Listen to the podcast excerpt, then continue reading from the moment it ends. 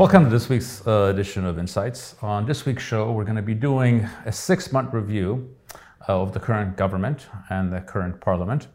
As we all know, we had elections in June 20th, and uh, this is going to be a review on multiple different fronts to see where they have failed, where they have succeeded, and where there is much work to be done. Uh, going back six months, it was very clear that the result uh, of the uh, elections was not really a mandate for any kind of a good job that the state or the ruling party was doing. It was essentially an anti mandate in which people made clear that they do not want the old regime of Kocharyan and Sarkisian to return and that they wanted to protect their democracy. But let's start going through different areas of interest, different areas of reform to see what has been happening in the last six months, or in many cases, what has not been happening in the last six months. Let's start with judicial reform. Uh, the judiciary, in poll after poll, is the least credible institution in this country. Uh, we need to change that. And in order to change that, you need to systematically reform it and systematically, essentially, remove uh, a group of judges that have no business being there, given their history of corruption and other matters, and replace them with professionals who will uh, enforce the law rather than the law based on who is being charged. Uh, on this front, it's fair to say that the government has entirely failed and the parliament has failed. They have done nothing to reform the judiciary, and there's actually no short term plans to do so that are in any way viable. So on this front, they get a clear F. Uh, let's move on to the economy, uh, which we have done multiple shows on uh, and interviews. Uh, the economy, in fact, is coming back quite strong. We are likely to finish the year with growth rates somewhere in the 8 to 10% based on everything that is going on in the economy. Uh, and we have a very good uh, economy minister who is actually quite active and aggressive in promoting business, cutting red tape, and doing other things.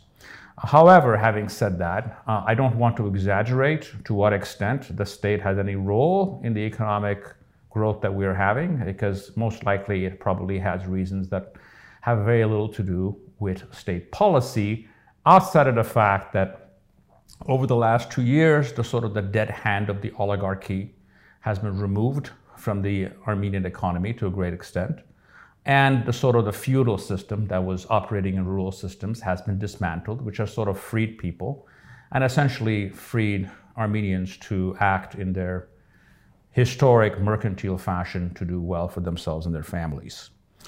Third front is foreign policy. We obviously discussed this a few weeks ago. Uh, foreign policy has been an abject failure, uh, and uh, I don't see any any roadways right now of reform. Uh, the current minister is getting personal high marks, but that really doesn't mean much. It's a question of how you qualitatively and systematically approach the job. And again, we move on to the parliament, who, uh, as far as we can see, have done nothing to review the failures of our diplomatic service or our diplomatic corps. They're essentially failing on the job of keeping a watch on foreign policy and what we need to be focused on, given the fact that those issues are paramount uh, for this country's interests in the near term.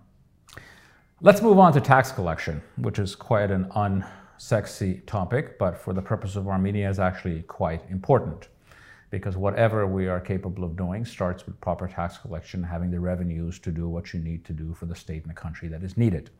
Uh, on this front, frankly, over the last two years, we have made a lot of progress. Uh, and I'll give you an example of that. Uh, there is a, uh, a, statistical measure, which is how much of the GDP is spent by the state. Uh, there's obviously two issues here. One of it is ideological. You have countries like Denmark and France where the state almost spends half of all income, 47 to 50 percent. And then there are, uh, and those are ideological issues. So what kind of state do you want? Do you want to be the Denmark at 47 or the United States at 30? However, on the other ledger, where sort of where we fall, is to the extent that you have an unregulated black market economy, and to what extent are you getting rid of that? And over the last two years, we've gone from 18% in spending to 26%. So 20, 26% of every every dollar dram that is generated in the economy is spent by the state. And what's interesting is that 26% is actually matches the European Union average. We're obviously not part of the European Union, but being up to their standards is actually a good measure. Uh, what this tells us also is that we've probably capped out uh, on increasing tax revenue just based on eliminating corruption and forcing people who weren't paying taxes before to pay their taxes. Uh, on the other measure, which is how much tax revenue has gone up, uh, our tax revenue has actually increased 12% over last year. Uh, last year was obviously a very strange year with COVID and other matters, but there's a consistent trend uh, where our tax collection has been going up. And again, as I said, this is somewhat of an unsexy topic, but I'll put it in real terms. Uh, since the, in the post-revolutionary period, uh, tax revenues uh, have increased by somewhere between five to six hundred million dollars. Let's just go back and imagine if we had actually collected those taxes for the previous 10 years, that would be $5 billion. And if we had spent 2 billion of that on defense, and if we had done that, we probably would have had an entirely different result last year in the war. Let's move on to national security and reforming the military. And again, the government gets an F so far. We obviously have a new minister and we wish him success. But as far as systematic approach over the last year, as far as reforming, getting rid of people that they need to get rid of, bringing in new people, that systematically has not happened.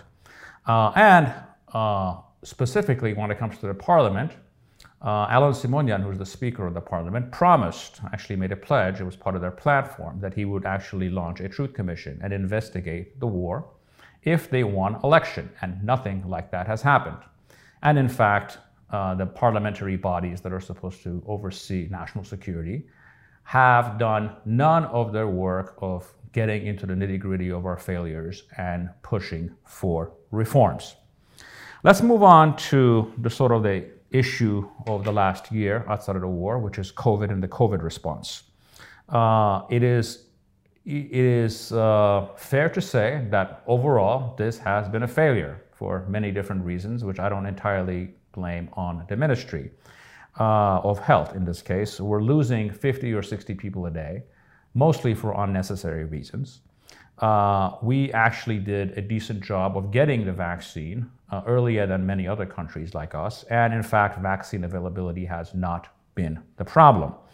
Uh, and what has been the problem is a tremendous propaganda of uh, disinformation, misinformation that has confused a large segment of the public that has been reluctant to vaccinate. Fortunately, we are making progress on that front, mostly because of work mandates in which you have to get vaccinated. And we last week we passed, you know, 1.1 million vaccinations and 372,000 people have received both doses. So we're making progress, but uh, we wasted time uh, because of foolishness on the internet and on social media that is costing us lives on a daily basis. Let's move on to the last topic, uh, which is the fight against corruption. Uh, as we know, many of the problems that we have had uh, and were actually greatly manifested during the war, has been the systematic corruption of our state via many different governments over the past 25 and 30 years. Uh, over in the post revolutionary period, there has been a lot of progress in stopping sort of the massive institutional corruption that was part and partial of the old regime, which mostly involved granting monopolies to people that raised prices and made the economy less competitive and reduced opportunities for people. However, at the same time, during this current government, we're actually seeing troubling signs of creeping small uh, steps of corruption that need to be stopped. And the way you stop them is by outing them and talking about them. Uh, one of them involve uh, the Deputy Chief of Staff, the Prime Minister, Bagrat uh, Badalyan, whose uh, company won an $834,000 $834, tender uh, to do uh, from the Ministry of Territorial Administration Infrastructure, where he previously served as deputy minister. Uh, again, if you have a position like that, you have no business having a business on the side. The second one is the Speaker of the Parliament, Alan Simonian, whose brother, Karlen Simonian, uh, has been getting contracts, uh, one of them in total up to $1.3 million, in regards to road building uh, and infrastructure building, specifically on the north south highway in Munich. The third example of this, which is actually the far most relevant one, was obviously uh, a person with the uh, very colorful name of Patron Davo, uh, who is his nickname, who was actually getting uh, doing military purchases with the old defense minister. Both him and the defense minister are under indictment, uh, and they were they're in the process. They were arrested and they're being charged for corruption. Uh, this involved uh, buying faulty equipment, buying dated equipment, or buying equipment that didn't match our other defense systems. Uh, obviously, this is far more relevant than the others because if the other ones are examples of corruption, this is corruption that actually kills. And this is what we need to understand.